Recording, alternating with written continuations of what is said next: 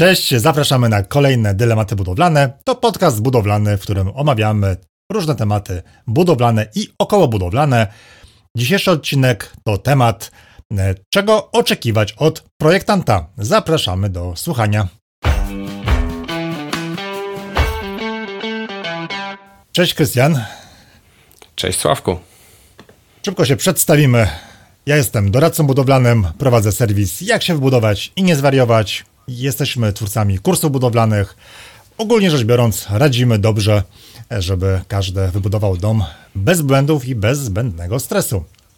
Krystian, coś o sobie powiedz szybciutko. Cześć. Dla nowych słuchaczy, tych, który, którzy nas jeszcze nie znają, ja nazywam się Krystian Lemkowski. Jestem z zawodu i zamiłowania inżynierem budownictwa. Zajmuję się prowadzeniem inwestycji budowlanych, e, zajmuję się doradztwem budowlanym. Wspólnie ze Sławkiem jesteśmy autorami kursu budowlanego, także coś tam o budownictwie wiem i dzielę się tą wiedzą na ile mogę. Tak jest. Super. E, zanim zaczniemy, tak, takie mam przemyślenie, bo mm, ogólnie dziękujemy za wszystkie komentarze pod naszymi filmami. Głównie, jeżeli ktoś ma do nas jakieś pytania, to na YouTubie można pod filmem zadawać pytania. Staramy się odpowiadać na wszystkie, e, albo pod filmem, albo omawiamy, jak jest jakiś temat dłuższy. Tak jak ostatni podcast dotyczył termoizolacji płyty fundamentowej, więc niektóre pytania no, staramy się na nie wyczerpująco odpowiedzieć. E, I e, dziękujemy za sugestie, bo ktoś zasugerował, żebyśmy podjęli temat, jak rozmawiać z wykonawcą, żebyśmy zrobili jakieś scenki rodzajowe może, bo wiem, że sporo osób nie do końca wie, jak rozmawiać z wykonawcami, ale myślę sobie, że to mogłoby wyglądać trochę tak sztucznie, więc zobaczymy. zobaczymy. Natomiast mam taką jedną ogólną poradę dla osób, które współpracują z wykonawcami. E, nie mówię o tym, jak wybierać wykonawców, bo o tym też kiedyś było w podcaście. E, natomiast generalna uwaga jest taka. Jeżeli wykonawca robi coś nie tak, późnia się z robotą, popełnia jakiś błąd, widzimy, że coś jest nie tak, to nie czekamy, tylko reagujemy. Bardzo często obserwuję coś takiego, że e, ludzie widzą, że wykonawca daje ciała, ale dają mu szansę, pierwszą, drugą, trzecią szansę, dają mu czasami tygodnie nawet na poprawę czegoś, ale to zwykle nie działa. E, jeżeli coś widzimy, że coś jest nie tak, od razu reagujemy. To jest dziwne, że bardzo mało ludzi reaguje od razu. Tym bardziej, że na przykład widzę po wielu rodzicach, że jak, nie wiem, dziecko zrobi coś e, zakazanego, typu weźmie lizaka, to reakcja jest natychmiastowa. Ale jak wykonawca się nie zjawia na budowie przez trzy dni, no to jest takie myślenie, a, dobra, no damy mu jeszcze szansę, tak, no bo przecież zabiegany wykonawca biedna. Więc reagujmy od razu, bo im dłużej zwlekamy, tym, tym gorzej. Jeżeli sami się nie czujemy na siłach, żeby porozmawiać z wykonawcą, to zawsze możemy poprosić kierownika budowy, kierownika budowy lub kogoś innego, kto, nam, kto nas tutaj wesprze. Ostrzegam przed tym, bo znam też bardzo dużo spraw, kiedy wykonawcy spóźniali się naprawdę wiele miesięcy, mimo że nawet umowy pokazywały, że powinien wykonawca skończyć już dawno, dawno temu, ale dalej inwestorzy wykazywali się niesamowitą cierpliwością, zupełnie niepotrzebną. Innymi słowy, coś nie tak, reagujemy. No, w sumie dobrze że o tym powiedziałeś, bo to jest takie ciche przyzwolenie, które panuje e, mhm. wśród, wśród inwestorów dla, dla niechlujstwa wykonawców, dla jakiegoś takiego e, zaniżania standardów, chociażby albo zwykłej takiej po prostu uczciwości, bo jeśli ktoś mówi, że przyjdzie jutro, to powinien przyjść jutro, a nie za miesiąc, albo za tydzień, albo wcale. No bo różnie z tym bywa, wiadomo. Tak, i to dotyczy wszystkiego. Jeżeli czekacie na projekt budowlany i, i projektant się spóźnia nawet jeden dzień, ja bym nie czekał. Dobry wykonawca, jeżeli wie, że nawala termin, to po pierwsze wie o tym z wyprzedzeniem. Na przykład projektant będzie o tym wiedział, podejrzewam, miesiąc wcześniej, bo to nigdy się nie dzieje z dnia na dzień. A skoro was nie poinformował, to znaczy, że już powinno was to zaniepokoić. Okej, okay, spóźnia się, ale nie dał znać. To nie jest wasza wina. To jest jego wina, w związku z tym od razu reagujcie. Jeżeli będziecie czekać, aż wreszcie się do was odezwie, to się może okazać, że nie weźmie się za nic, ponieważ będzie uważał, że skoro się nie interesujecie, to wam nie zależy. I po miesiącu, jak się dodzwonicie do projektanta, to się okaże, że dopiero wtedy weźmie się do roboty, bo nie wiem, zapomniał. Tak więc e, bądźmy naprawdę asertywni, e, żądajmy od wykonawców tego, żeby wykonywali wszystko zgodnie z ustaleniami. Nie bójmy się powiedzieć, jeżeli nam się czegoś nie podoba. Więc to jest taka naprawdę generalna uwaga, która, nam, która wam naprawdę wszystko uprości. Podejrzewam, że nie tylko jeżeli chodzi o budowę domu, ale o takie życie codzienne, tak? Typu znajomy obiecał oddać wam pieniądze do poniedziałku, mamy wtorek, no to reagujemy, tak? No. Tak, powiem na, na początek powiem, dobra rada. Powiem Ci tak, że z mojego doświadczenia e, wynika, że jeżeli chcesz mieć coś zrobione na czas, to nie powinieneś dzwonić w poniedziałek, dlaczego e, wykonawcy nie ma w poniedziałek, tylko powinieneś do niego dzwonić w piątek, czy on na pewno będzie w piątek, czy on na pewno będzie w poniedziałek, a jeśli mówi, że nie, to, to kiedy będzie i, i jakiś już od razu y, negocjować, dlaczego nie, mhm. dlaczego tak, albo, albo, albo wręcz no, straszyć, straszyć karami, jeżeli y, jest krytyczna sytuacja, jeśli chodzi o termin. No bo, bo inaczej to się wszystko rozciąga w czasie. Każdy jeden wykonawca, każdy jeden dostawca materiałów budowlanych, hurtownie, wszystko, wszyscy, którzy są w tym ciągu budowlanym, jeśli chodzi o budowę domu, mogą się spóźnić o kilka dni, co w sumie daje kilka miesięcy opóźnienia, gdyby to tak, gdyby mhm. to tak podliczyć. Więc jeżeli komuś nie zależy na czasie, jakby nie ma problemu. Ale jeżeli ktoś chce budować szybko i sprawnie i, i nie przeciągać tego w nieskończoność, no to, to powinien reagować nie tyle w czas, ale wręcz z wyprzedzeniem upewniać się, czy wszystko będzie tak, jak było zaplanowane. Tak, standardowa wymówka wykonawców, zepsuł mi się samochód. Więc jeżeli macie jakieś ciekawe wymówki wykonawców, śmieszne albo straszne, to bardzo prosimy o komentarze. E, no, do tych wymówek to już widziałem tyle, że chyba nic mnie nie zadziwi, ale może się mylę, więc jak macie jakąś ciekawą wymówkę wykonawcy, to, to dajcie znać. No w poniedziałek zwykle jest tak, że niestety przyimprezowali wszyscy przez weekend. To też jest taki standard. Oj, tak. Także od poniedziałku ciężko coś wynegocjować z wykonawcami. Zdarza się. E, e, przypominam oczywiście, jak ktoś jeszcze nie wie, to w książce Jak się wybudować i nie zwariować jest więcej porad związanych z tym, jak współpracować z wykonawcami.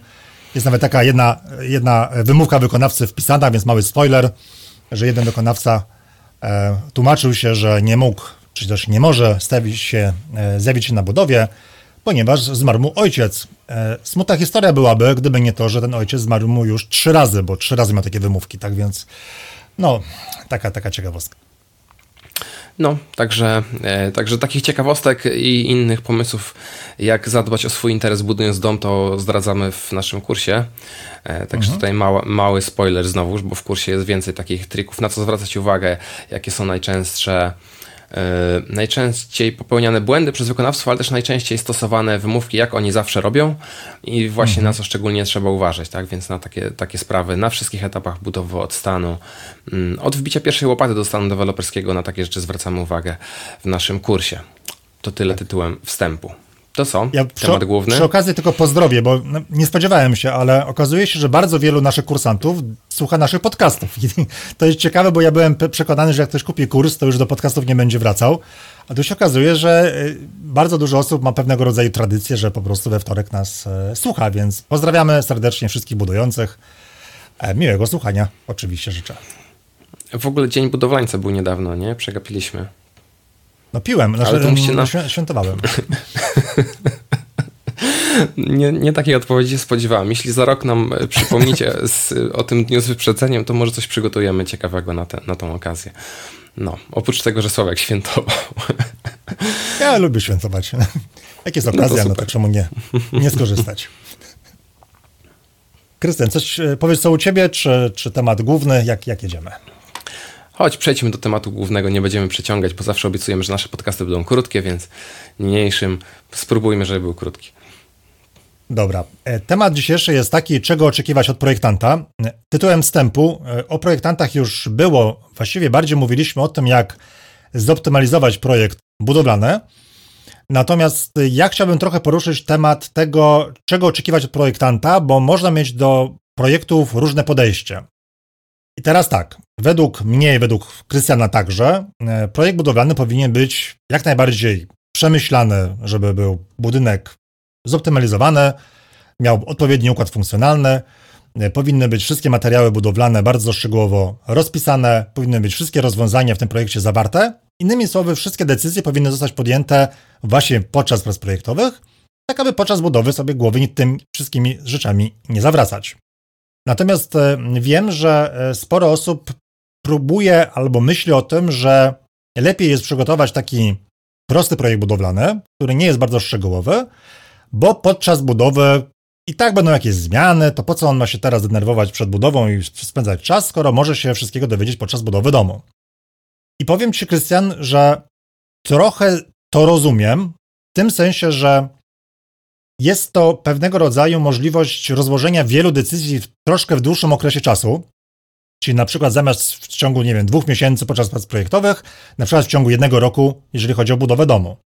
Natomiast no, dobrze wiemy, że bardzo dużo decyzji podjętych podczas budowy domu, jeżeli ich nie podejmiemy odpowiednio wcześnie, to potem może się okazać, że zmiany nawet nie będą możliwe, a jeżeli będą możliwe, to będą bardzo kosztowne. I co ty o tym wszystkim myślisz? W ogóle spotkałeś się z takim podejściem, że e, projekt budowlany nie musi być szczegółowy i tak sobie poradzę? Tak, spotkałem się z takim podejściem i bardzo go nie lubię. E, I powiem Ci, dlaczego go nie mhm. lubię, bo w momencie, kiedy tworzy się projekt budowlany, kiedy on powstaje i można na spokojnie usiąść i go przemyśleć, wtedy te decyzje, fakt, wydają się odległe, ale można się nad nimi zastanowić na spokojnie. Problem pojawia się wtedy, gdy te decyzje trzeba podjąć w momencie, kiedy majster z budowy dzwoni, ile ma zamówić pustaków, bo potrzeba, a nie wiadomo ile ma być ścianek działowych, bo, bo jeszcze nikt nie wymyślił jakie i gdzie one mają stanąć, tak? Więc wtedy jest problem, wtedy się robi stresowa sytuacja i trzeba szybko, szybko na wariata podejmować decyzje, i, I wcale nie do końca one są przemyślane, więc wydaje mi się, że to jest, e, to jest bardziej po prostu stresujące, tak? I w momencie, kiedy na głowie jest dużo w czasie budowy, kiedy trzeba zamawiać materiał, bo, bo często ludzie samodzielnie się tym zajmują, a nawet jeśli nie, to kiedy trzeba dopilnować wykonawcy, kiedy trzeba jechać na tą budowę, a w międzyczasie ogarniać jeszcze swoje takie bieżące życiowe sprawy, no to dokładamy sobie Dokładamy sobie roboty, dokładamy sobie e, stresu tym, że po prostu trzeba podejmować na bieżąco ważne decyzje, które będą miały wpływ na to, jak ten budynek będzie się mm, użytkowało, komfortowo, mhm. niekomfortowo e, przez kolejne kilkadziesiąt lat, więc e, moim zdaniem to nie jest najlepsza opcja. Oczywiście można sobie zostawić pewną dozę niepewności i nawet nawet projektując bardzo szczegółowo dom, ja bym sobie tą dozę niepewności zostawił, jak najbardziej, bo, bo budowa to jest taki trochę żywy organizm i on sobie żyje po swojemu. Może się wydarzyć na budowie bardzo wiele różnych dziwnych i nieprzewidzianych rzeczy, albo widząc coś na żywo można chcieć coś zmienić, ale nie może być tak, że wszystko zostawiamy na później, tak? To, to absolutnie jest zła droga. Mhm, właśnie o to chodzi. A propos podejść ludzi, którzy nie oczekują takiego szczegółowego projektu, bardzo często jest podawany przykład instalacji elektrycznej. Innymi słowy, rozumowanie jest następujące. Po co mi projekt instalacji elektrycznej w projekcie budowlanym, skoro i tak jak będę szukał elektryka, to on mi wszystko rozrysuje, więc po co mam płacić dwa razy? I to chciałbym trochę szerzej ten temat potraktować, bo to jest troszeczkę takie mm, pozorne pójście na skróty. Bo rzeczywiście, jeżeli nie będziemy mieli projektu instalacji elektrycznej takiego przemyślanego, mm, a będziemy mm, ufali naszemu elektrykowi i, on będzie rzetelnym rzeczywiście elektrykiem i nam wszystko dobrze zrobi, to oczywiście nie ma problemu.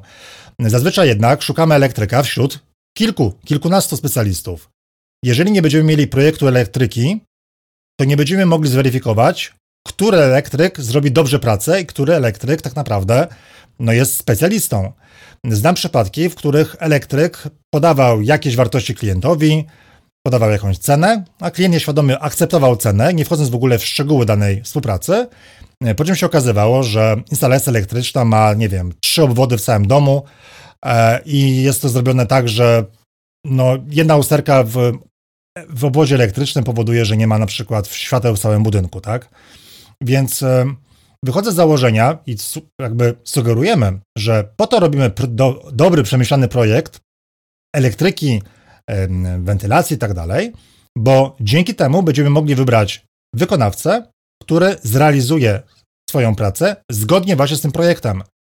Jeżeli nie mamy projektu, takiego przemyślanego projektu instalacji elektrycznej, to tak naprawdę nie za bardzo będziemy wiedzieć, jak mamy tego wykonawcę zweryfikować. Dodatkowym plusem jest to, że o wiele łatwiej się projektuje instalację elektryczną właśnie na kartce, na spokojnie, kiedy mamy na to czas, niż podczas budowy, kiedy elektryk już ma wejść za parę dni i prosi nas, żebyśmy zaznaczyli kredą na ścianach, gdzie, gdzie, gdzie chcemy włączniki, e, punkty oświetleniowe i tak dalej.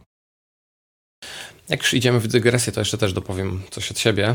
Pewnie. No bo tutaj no, ciężko mi się z Tobą nie zgodzić, ale ale też z innego powodu, z jeszcze dodatkowego powodu, bo jeżeli chodzi o instalację elektryczną, rzeczywiście wiele osób mówi, że a tam później pokażę elektrykowi, gdzie chcę mieć, mm, mhm. gdzie mieć e, gniazdka, włączniki i tak dalej. I oczywiście jest w tym, jest w tym e, racja, no bo, bo najłatwiej to zrobić w momencie, gdy ściany stoją, ale za, za gniazdkami, za włącznikami kryje się rozdzielnia elektryczna. Jeżeli w projekcie było gniazdek, dajmy na to na całym domu 100, a a elektrykowi wskażemy ich 150, no taki przykład liczbowy trochę może, może przesadzony, ale, ale nie o to chodzi, no to co? No to mamy półtora razy więcej e, tak naprawdę punktów elektrycznych, co oznacza, że nasza rozdzielnia elektryczna powinna też urosnąć razy te półtora, mniej więcej, bo tego, tego do końca nie wiemy, albo jeszcze bardziej. E, no i co? Jeżeli z jednej strony elektryk robi zgodnie z projektem rozdzielnia, a z drugiej strony my mu wskazujemy, jakie są obwody elektryczne i jakie są punkty elektryczne i jest, jest ich więcej, no to już się zaczyna coś tutaj technicznie rozjeżdżać, no co prowadzi prostą drogą do, do takich problemów problemów jak przegrzewanie się instalacji, wyskakiwanie bezpieczników, jeżeli będzie zbyt dużo e, punktów na innym obwodzie i tak dalej, i tak dalej. No oczywiście, jeżeli trafimy na elektryka fachowca, który wie co robi, no to on zaproponuje większą rozdzielnię, e, zaproponuje więcej zabezpieczeń i tak dalej. Jeżeli trafimy na elektryka mniej fachowego, dajmy na to, no to, mhm. no to ups, no ojejku, może być różnie po prostu, może być taniej, o, to jest, to jest pewne wtedy. E, a czy lepiej? Wątpię. Więc e, dla mnie to też jest, też jest e, istotny aspekt techniczny, że, że nie można sobie tak odżonglować wszystkim na etapie wykonawstwa, no bo nie wszystko jest nie wszystkie zmiany są dozwolone, nie są zgodne ze sztuką. Jeżeli nie są zaakceptowane przez projektanta tej czy innej branży, to czasami możemy po prostu samodzielnie wtopić się na jakąś minę i zrobić sobie niechcący, nieświadomie krzywdę we własnym domu. No właśnie, bardzo dobrze, e, bardzo dobrze mówisz, e, bo widzisz, bo lepiej jest znaleźć wykonawcę, który wykona coś zgodnie z projektem, bo jak projektu nie ma, to każdy wykonawca będzie nas zachęcał do zastosowania rozwiązań, które on proponuje i możemy się, e, chcąc nie chcąc, nabrać na wykonawcę, który na przykład powie, że po co ci tyle obwodów elektrycznych i tyle zabezpieczeń, niepotrzebnie przepłacisz kilka tysięcy złotych więcej, lepiej zaoszczędzić, i będzie lepiej, tak? Jak nie znasz się, a prawdopodobnie nie jesteś w stanie się znać na wszystkim, no jakby siłą rzeczy, to taki elektryk może cię przekonać, no bo rzeczywiście po co przepłacać, tak? Ale jeżeli te rzeczy masz przemyślane właśnie podczas projektu, podczas realizacji projektu budowlanego, no to wtedy, jeżeli usłyszysz od elektryka, że on proponuje rozdzielnicę elektryczną zmieszyć, z liczbą wodów zmieszyć i tak dalej, to nawet jeżeli nie będziesz pewien, czy ma rację, czy też nie ma racji, to masz projektanta, który możesz porozmawiać, masz z kimś ten temat obgadać.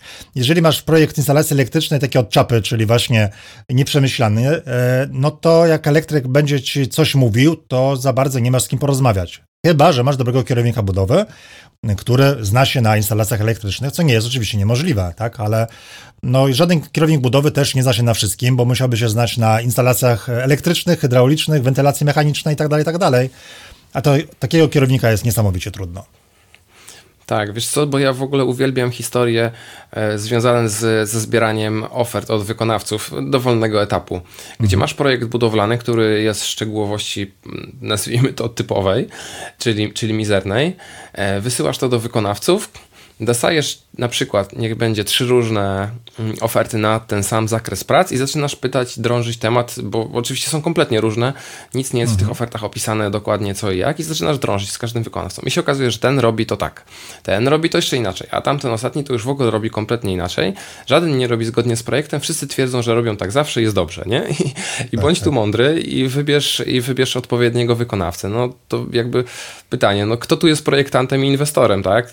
Kto, kto podejmuje decyzję, jak ma być zbudowany. No, no, ty, ty czy wykonawca, więc e, e, oczywiście jakby warto słuchać doświadczonych wykonawców, bo oni też mają swoje spojrzenie na pewne mhm. sprawy i mogą realnie realnie przyspieszyć czas budowy, albo poprawić jakość, albo albo e, zmniejszyć koszty, jeżeli patrzą trzeźwo na, na sytuację, ale nie może być tak, że każdy ma swój punkt wyjścia, a projekt jest tylko taką e, luźną kartką, która no, wyznacza powiedzmy jakiś ogólny zarys, ale niespecjalnie trzeba się tym sugerować, no bo wtedy jak tu porównać oferty, co uznać za punkt wyjścia, tak? Jakby zmiennych się robi tak dużo, że, że ciężko podjąć jakąkolwiek racjonalną decyzję. Jeżeli ktoś nie ma doświadczenia, no to już w ogóle sprawa się komplikuje do kwadratu. Także Także myślę, tak że jest. chyba z tego przydługiego naszego wstępu wynika, że od projektanta warto wymagać szczegółowego projektu. Tak, żeby to zobrazować jeszcze, to mówimy o jakichś rozwiązaniach technicznych i tak dalej, ale prosty przykład. Jeżeli wykonawca e, buduje z betonu komórkowego, to potrafi powiedzieć, że ceramika to zło, bo wieje z gniazdek, A jeżeli wykonawca buduje z ceramiki, to ci powie, że beton komórkowy to zło, bo jak deszcz będzie padał, to zamoknie i się zniszczy. E, no i dlatego, jak masz dobry projekt przemyślany, czyli projektant rzeczywiście ci wszystko też wytłumaczył, bo to nie jest to, że projektant ci narzucił rozwiązania, tylko efektem wielu rozmów jest dobry projekt budowlany, jest to, że czuje się po prostu pewniej rozmawiając z wykonawcami i nie dasz sobie, e, nie dasz sobie wejść na głowę. I będziesz wiedział bardzo często, że wykonawca proponuje ci coś, co jest dobre tylko dla niego, albo proponuje ci rozwiązania, które on zna, a niekoniecznie takie, które są dobre dla ciebie. A Prawda. czego oczekiwać od projektanta? E, no to pomijając szczegółowość projektu, szukamy projektanta i oczekujemy od projektanta tego, aby odpowiadał na nasze pytania. Bo każdy, kto buduje pierwszy dom, a czasami drugi i trzeci, no ma setki pytań. Tak? I właśnie dobry projektant wraz ze swoim zespołem, czyli jest architekt, jest konstruktor, są, e, są projektanci instalacji elektrycznej i sanitarnej, są właśnie po to, aby na te pytania odpowiadać. I to jest ten właśnie moment, e, kiedy, no niestety, ale sporo projektantów e, odpada w przedbiegach, bo jest grono projektantów, którzy swojej wiedzy nie poszerzają, mają cały czas tę samą wiedzę sprzed kilkunastu lat, nie znają nie tyle najnowszych technologii, ale po prostu uważają od 20 lat, że takie, takie konkretne rozwiązanie jest najlepsze i koniec. Są głusi na, argumenci, na argumenty. Więc od razu, jeżeli znajdziemy takiego e, projektanta, który będzie nam narzucał swoje zdanie, który powie, że on wie lepiej, że nie będzie właściwie odpowiadał rzetelnie na pytania, tylko powie, że proponuje to, bo tak i koniec, bez argumentów, no to wiemy, że to nie jest osoba, której szukamy. Szukamy kogoś, kto jest otwarty na dyskusję i rzeczywiście nawet podczas takiego pierwszego zapoznawczego spotkania już nam odpowie na kilka nurtujących nas pytań ciężko tu coś dodać, tak. No ja myślę, że to jest, to jest chyba pierwsza rzecz, o której powinniśmy powiedzieć, bo się rozgadaliśmy o tej szczegółowości projektu, ale to jest najważniejsze, żeby tak. mieć po Aha. prostu, żeby mieć po prostu kontakt y, z architektem, a nie tylko prowadzić z nim monolog, w sensie ja mówię, a on i tak mhm. nie słucha, albo w drugą stronę ja muszę słuchać, co on mi mówi, no to, to by było słabe, tak, bo jeżeli ktoś buduje swój dom, czy to pierwszy, czy to trzeci, no ma jakieś oczekiwania, które trzeba po prostu przelać na papier, skonsultować ze specjalistą, jakim jest architekt i dlatego trzeba z nim mieć, mieć po prostu jakiś kontakt, e, nić porozumienia, bym powiedział, no bo jeśli nie, no to, to taka współpraca będzie trudna, po prostu będzie trudna i, i nawet jeżeli architekt jest dobrym specjalistą, ale nie jest taki komunikatywny, no to, to będzie ciężko, więc, yy, więc tak, to jest moim zdaniem na pierwszym miejscu coś, co powinniśmy traktować priorytetowo, szukając, wybierając projektanta do, mhm. do swojego domu. Oczywiście są na rynku ludzie i tacy, i tacy, każdy z klientów, z inwestorów też ma swój e, charakter, więc tutaj jakby nie ma jednoznacznej odpowiedzi i pewnie dla jednej osoby jeden architekt będzie w porządku, druga stwierdzi, że się nie dogadują przez różnicę charakterów, więc, więc tutaj e, jakby nie chciałbym wprowadzać jakiegoś podziału na dobrych i złych, po prostu każdy musi wybrać swojego, z którym się e, będzie dobrze dogadywał. Tak jest. Tak, rzeczywiście o tym szczegółowości projektu pojechaliśmy tak trochę naokoło, ale doszliśmy, do, dopłynęliśmy do brzegu, więc myślę, że o szczegółowości już wystarczy. Tylko podpowiem, że na stronie, którą widzicie niżej, jak wejdziecie w zakładkę e, kurs budowa domu od zera, e, to tam znajdziecie prawie 20-minutowy film, który pokazuje co należy przeanalizować właśnie podczas analizy projektu budowanego. Jest to m.in. o instalacji elektrycznej i o instalacji wentylacji mechanicznej. Jest to film, który można obejrzeć po prostu, tam nie trzeba się zapisywać, zostawiać żadnego adresu mailowego. Wejdźcie na stronę, wejdźcie w zakładkę i obejrzyjcie ten film. On naprawdę da do, do, do myślenia, ile rzeczy trzeba przewidzieć właśnie podczas projektowania budynku. Bardzo, bardzo polecam. Jest to oczywiście fragment kursu, ale bardzo, bardzo wartościowy, więc szkoda byłoby, żeby się go ominęli. No tak, a e, propos, to jeszcze, to jeszcze mamy darmowe mini kursy, żeby, żebyś nie zapomniał. Tak. No to, to od razu powiem, bo zapomnimy, e, że mamy darmowe mini kursy. E, wystarczy wejść na link, który jest pod naszym filmem i są mini kursy dwa, jeden dla osób, które chcą się przygotować do budowy, 8 lekcji, trochę o kosztach budowy, trochę o projektach, trochę o tym, jak się przygotować, jak dopełnić formalności i tak dalej. I drugi kurs, 5 lekcji, dotyczy wyboru i zakupu działki. Tak więc zachęcamy do zapisu, e, bo są tam bardzo ciekawe, potrzebne informacje dla osób, które chcą się budować. Tak, linki znajdują się w, opisie pod filmem na YouTubie. E, jak tak ktoś szukał, Trzeba wejść w, na YouTube'a w opis tego filmu i pod, pod, y, pod tym filmem w opisie te linki sobie należy kliknąć, do czego serdecznie tak zapraszamy. Jest. Tak jest. Kolejny temat szybciutko a propos tego, czego oczekiwać od projektanta, mm, to jest tak. E, bardzo ważne jest to, abyście zapytali projektanta, jak podchodzi do oszacowania kosztów budowy i jak, czy w ogóle bierze pod uwagę wasz budżet na budowę domu. Mówię o tym, żeby nie było tak, żeby, żeby projektant się czasem nie rozpędził z projektowaniem. Czyli nie może być tak, że wy mu dacie informację, co chce się wybudować, on radośnie coś zaprojektuje, nie zapyta o koszty, wy nie będziecie wiedzieć, ile to będzie kosztowało, rozpoczęcie budowę, no i lipa, tak? No bo się okaże po zebraniu pierwszych wycen, że no wszystko jest dwa razy droższe niż myśleliście. W związku z tym pogadacie z projektantem o tym, w jaki sposób on do tego podchodzi, w jaki sposób on szacuje koszty budowy. Ja wiem, że to jest czasami wręcz bardzo trudne, ale jakieś widełki plus minus 20% będzie w stanie wam podać i powiedzieć wam, które rozwiązania są kosztowne i co proponuje w zamian. Na przykład zamiast dachu wielospadowego dach dwuspadowy, zamiast jakiegoś, jakiejś skomplikowanej bryły, e, bryła na planie prostokąta, zamiast pewnych rozwiązań coś tańszego. To jest bardzo ważny temat, żeby rozpocząć budowę, mając świadomość, że nas na nią stać. Tak, to prawda, ale tutaj ja mm, wezmę architektów w obronę, bo mhm. rozmawiałem z, z, z architektami też, zdarzało mi się kilka razy w życiu. I, I, u nich to bywa e, wręcz odwrotnie, bo mm, zdarzają się klienci, którzy sami naciskają na e, zastosowanie pewnych rozwiązań, no bo, bo są ładne, bo efektowne, bo, bo się podobają i tak dalej. Architekci e, tak projektują zwracając uwagę e, inwestorom na to, że to są rozwiązania kosztowne. I później taki projekt staje się tak zwanym pułkownikiem, leży u, u inwestora na półeczce i ją ozdabia zamiast e, być wykorzystany do budowy domu, no bo budżet został przekroczony o, dajmy na to, 30, 40, 50%, no bo po prostu zostały zastosowane na życzenie klienta mhm. materiały naprawdę drogie i z górnej półki, no bo jak szaleć, to szaleć, budujemy się tylko raz.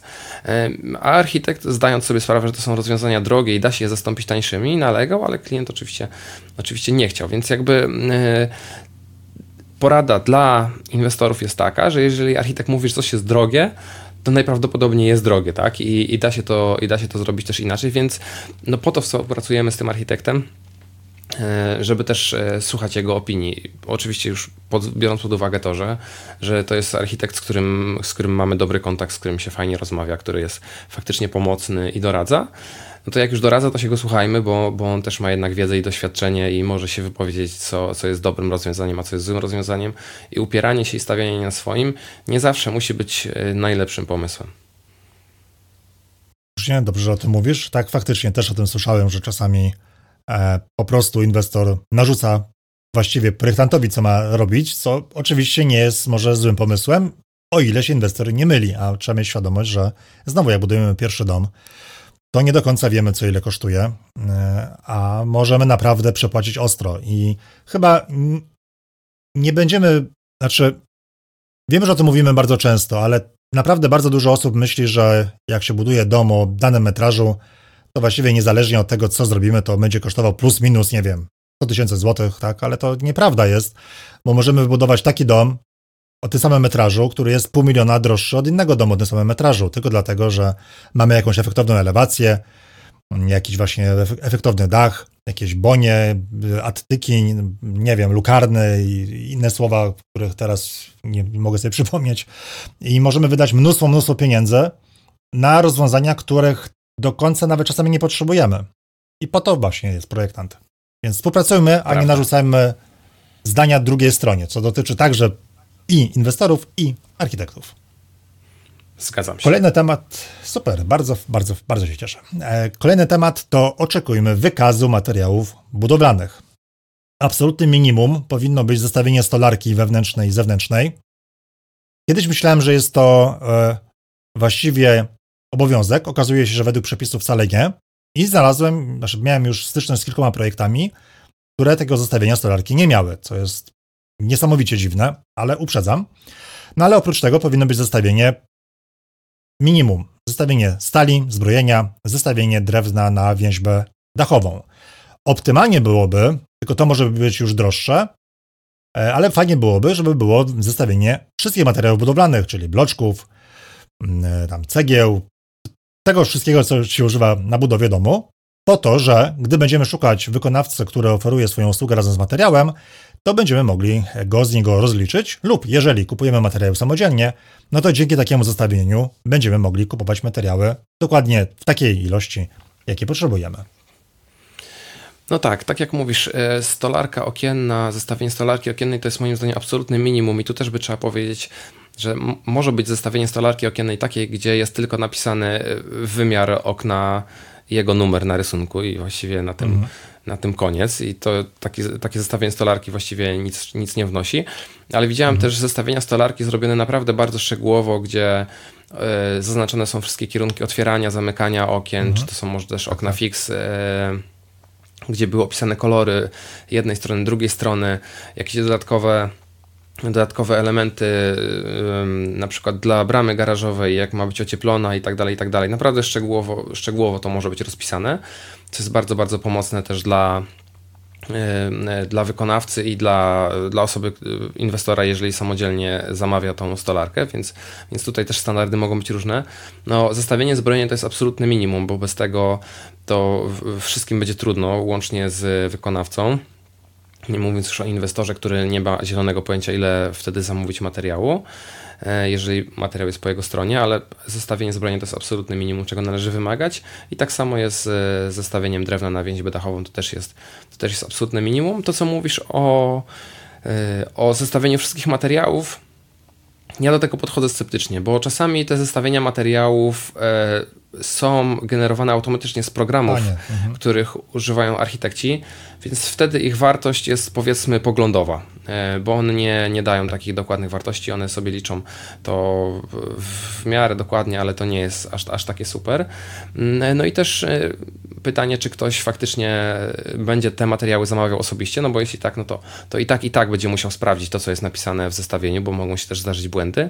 A jeżeli ktoś mm, się umówił na ryczałtową cenę e, budowy na przykład stanu surowego z materiałem, no to wtedy tak naprawdę to go nie interesuje, więc też nie powinien sobie tym głowy zaprzątać. Więc to zależy od potrzeb, mm, a po drugie do takich zestawień należy też podchodzić z lekko ograniczonym zaufaniem i je sprawdzać, no bo to albo przygotowują programy automatycznie, i nie do końca wiadomo w jaki sposób, albo to przygotowują ludzie i po prostu mogą tam zaistnieć błędy, a trochę głupio byłoby zamówić e, no plus 50% jakiegoś materiału i go sobie zostawić e, później na podwórku, więc, więc trzeba to sprawdzać, trzeba to kontrolować mimo wszystko. To jest dobry punkt wyjścia, ale to nie jest coś, czym bym się tak mhm. na 100% cały czas sugerował, trzeba do tego podejść zdroworozsądkowo.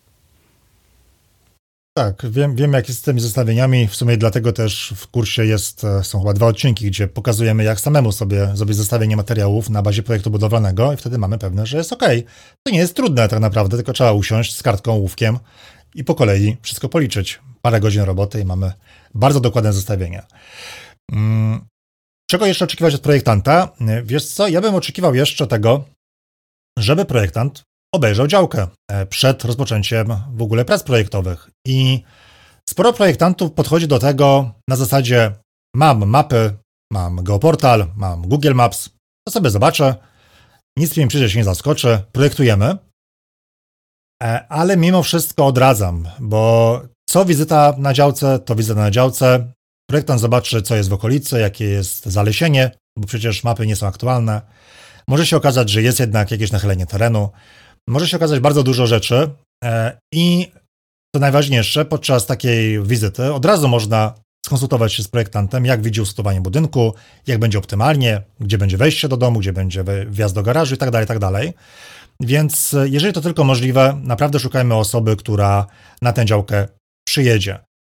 E, nie wiem, czy są jakieś wyjątki, no może jeżeli jakiś projektant jest, nie wiem, gdzieś pracuje zdalnie dla nas, ma jakieś bardzo dokładne zdjęcia, ale to taki wyjątek, wiesz, takie trochę na siłę. E, myślę, że powinien każdy projektant na działkę przyjeżdżać, a wiem, że wielu niechętnie to robi. Nawet ostatnio miałem e, taki przypadek, że budowa była chyba w Grodzisku Mazowieckim, o ile nie pamiętam, o ile dobrze pamiętam. Projektant miał biuro kilometr od działki. Dosłownie. Nie chciał podjechać na działkę. No, szczerze mówiąc, nie ogarniam, no ale widocznie miał dużo klientów. No widocznie tak. No wiesz, to też jest tak, że jeżeli e, inwestor wybiera projekt katalogowy, no to możliwości projektanta adaptującego ten projekt no, są ograniczone i on też nie może zbyt wiele poszaleć, musi się dostosować do warunków zabudowy, warunków na działce i tak dalej, więc e, mimo szczerych chęci on czasami po prostu nie ma wielkiego pola manewru. Więc tutaj no to jest taki, taka sytuacja dyskusyjna, ale jeżeli ktoś e, buduje dom z projektem indywidualnym i chce faktycznie zaprojektować dom od początku do końca pod siebie, no to ja tutaj mhm. nie widzę żadnej wymówki dla architekta, żeby on nie przyjechał na działkę i nie obejrzał jej e, na żywo, no bo działka jak działka, ale otoczenie terenu i, mhm. i to, mhm. czego nie widać na mapach może być naprawdę bardzo, bardzo ważne. Otóż to. E, jeszcze na koniec, bo już chyba się zbliżamy do, e, do końca, e, krótko na temat projektu wykonawczego, bo tutaj też dużo pytań dotyczy tego, czy warto w ogóle zamawiać projekt wykonawczy razem z projektem budowlanym. Więc tylko podpowiem, powiem tylko, że projekt wykonawczy to jest taki bardzo, bardzo szczegółowy projekt budowlany, który wręcz krok po kroku pokazuje, jak wybudować dom. Mm, I Myślę, że warto taki projekt wykonawczy, za, za, taki projekt zapłacić tylko wtedy, kiedy budujemy się, nie wiem, zdalnie, dosłownie jesteśmy za granicą, nie, nie ma nas na budowie e, i chcemy mieć absolutną pewność, że wszystko jest wykonywane dobrze, co oczywiście też wymaga dobrego, bardzo dobrego wykonawcy, który będzie się trzymał tego projektu budowlanego, ale w, mimo wszystko w zdecydowanej liczbie przypadków projekt wykonawczy w przypadku domów jednorodzinnych nie jest wymagany i nie jest potrzebny. Dodam, że są różne interpretacje pra prawa budowlanego. Niektóre y, twierdzą, że projekt wykonawczy jest obowiązkowy, e, ale to są już takie trochę zawiłości e, prawne. Z praktycznego punktu widzenia, skoro projekt wykonawczy potrafi kosztować drugie tyle co projekt budowlany, e, czyli przykładowo nawet 20 tysięcy złotych, to przy domu jednorodzinnym, który nie jest jak, o jakiejś wyjątkowej architekturze, nie ma wyjątkowych rozwiązań, to taki projekt wykonawczy raczej się po prostu nie przyda i nie warto za niego przepłacać, można tak powiedzieć. To ja powiem tutaj tak. Po pierwsze, jeżeli ktoś się buduje za granicą, to y, mówiłeś, że też wysyłamy kursy za granicę razem z y, książkami. Tak, bo ostatnio tak, w poniedziałek idzie nawet przesyłka do, do Stanów Zjednoczonych. Taka, to, taka propos, ciekawostka. Tak, a propos mhm. zagranicy, taka dygresja. Tak.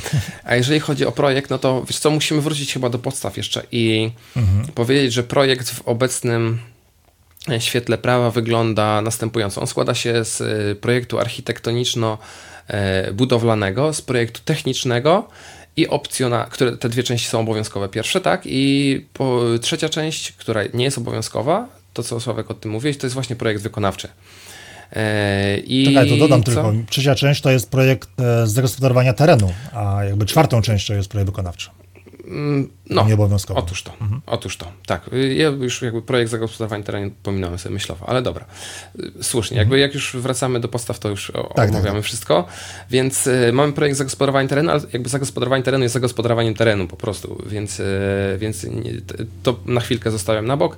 I jeżeli chodzi o sam budynek, no to mamy projekt architektoniczno-budowlany, naprawdę bardzo, bardzo ogólny bo zgodnie z prawem tam są bodajże tylko rzuty, e, kondygnacje, elewacje i, i niewiele więcej.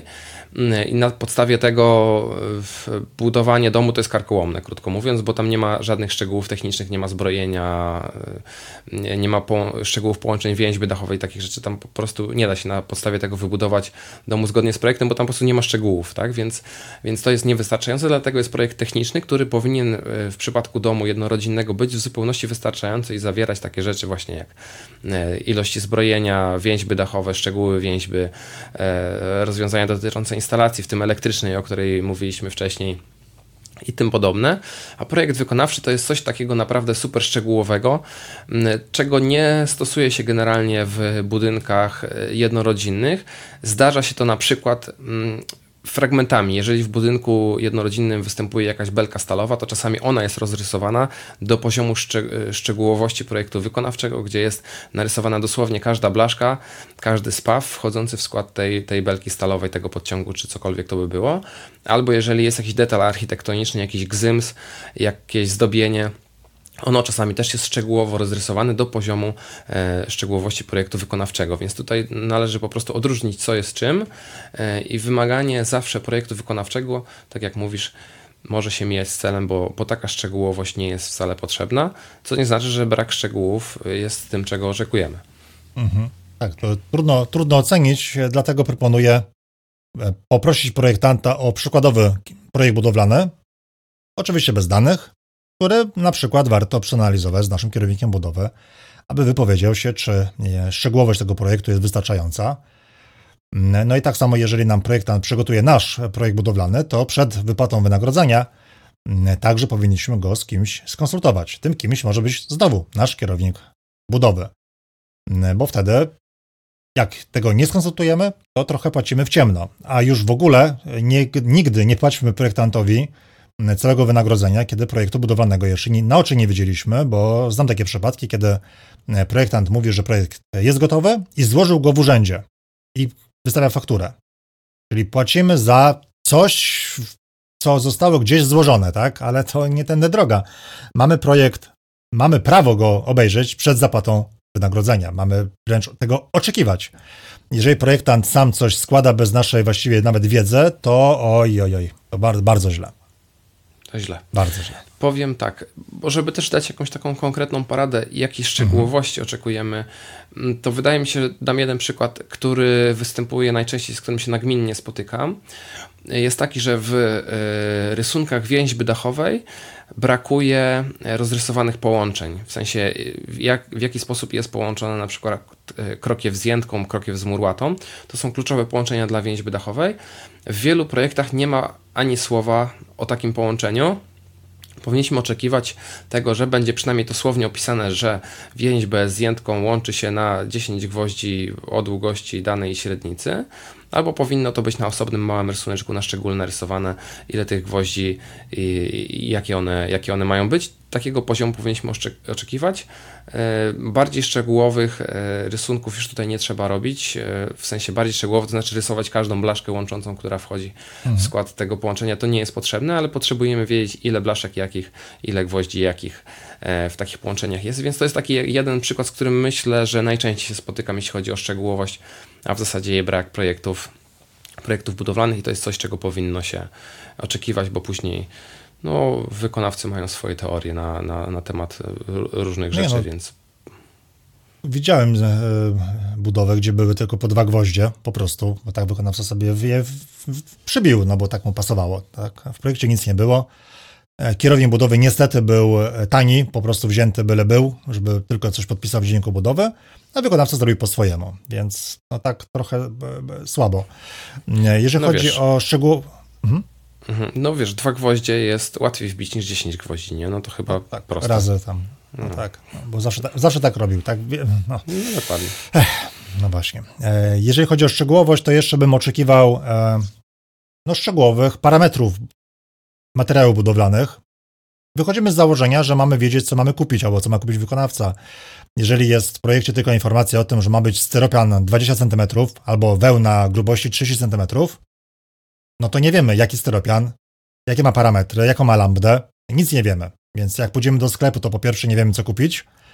E, znowu, będzie nas sprzedawca zachęcał do tego, e, do zakupu tego materiału, który na przykład mu leży na stanie od wielu miesięcy, nie ma chętnych. Bo raczej sprzedawca nie jest naszym przyjacielem, nie będzie nam e, dobrze doradzał. Poza tym sprzedawca nie jest przecież doradcą budowlanym, albo rzadko jest. W związku z tym to jest handlowiec. Mając projekcie budowlanym informacji, jakim masz mieć materiał, kupisz taki właśnie materiał. Mm, więc no, dlatego tak ważne jest, żeby ten projekt przeanalizować, nawet projekt jakiś projektanta e, przygotowany dla innego klienta i skonsultować go z kierownikiem budowy. Albo na przykład na naszej grupie, jak jesteś kursantem, to możesz na naszej grupie na Facebooku e, umieścić, nie wiem, zdjęcie, fragment zdjęcia, zapytać. Przecież codziennie odpowiadamy na tyle pytań, że, że naprawdę zapraszamy, bo jest tak. No. No to cóż, chyba dobrnęliśmy do końca. Czy tak, masz jeszcze Lekko. jakieś porady? Nie, ma, mam wrażenie, że pojechaliśmy trochę naokoło na samym początku i na chętnie bym nagrał podcast od początku, wiesz, ale no, już, już się mhm. mleko rozlało, no, już nie, nie, ma, nie ma powrotu. Nie. No dobra, bo jakby mieliśmy zdążyć w pół godziny, wątpię, czy nam się udało. E, i, ale na koniec, mhm. jak zwykle, chciałem Cię o koszulkę zapytać, bo widzę coś nowego. Nie, nie, nie zmieniłem koszulki po prostu, wiesz. W tym, co byłem, po prostu usiadłem i hmm. nagrałem podcast. Nie, czyli to nie, nie jest koszulka tematyczna. Nie. nie. Znaczy możesz no, jakoś chyba, tam próbować. Chyba, że to chodzi o to, że naokoło jechaliśmy do tematu docelowego. Dobre, dobre. No. tak miało być. No to co? Tak miało być. Na koniec jeszcze małe ogłoszenie dla osób, które mhm. chciałaby wbudować dom, ale nie chcą. Nie chcą po prostu się tym samodzielnie zajmować, mają swoje obowiązki na głowie, e, wolałyby to zlecić zamiast dokształcać się e, z budownictwa i robić z tego doktorat, no to istnieje taka możliwość, żebym ja ten dom wybudował, więc jeżeli ktoś miałby taką ochotę, to zapraszam do linka poniżej na YouTubie.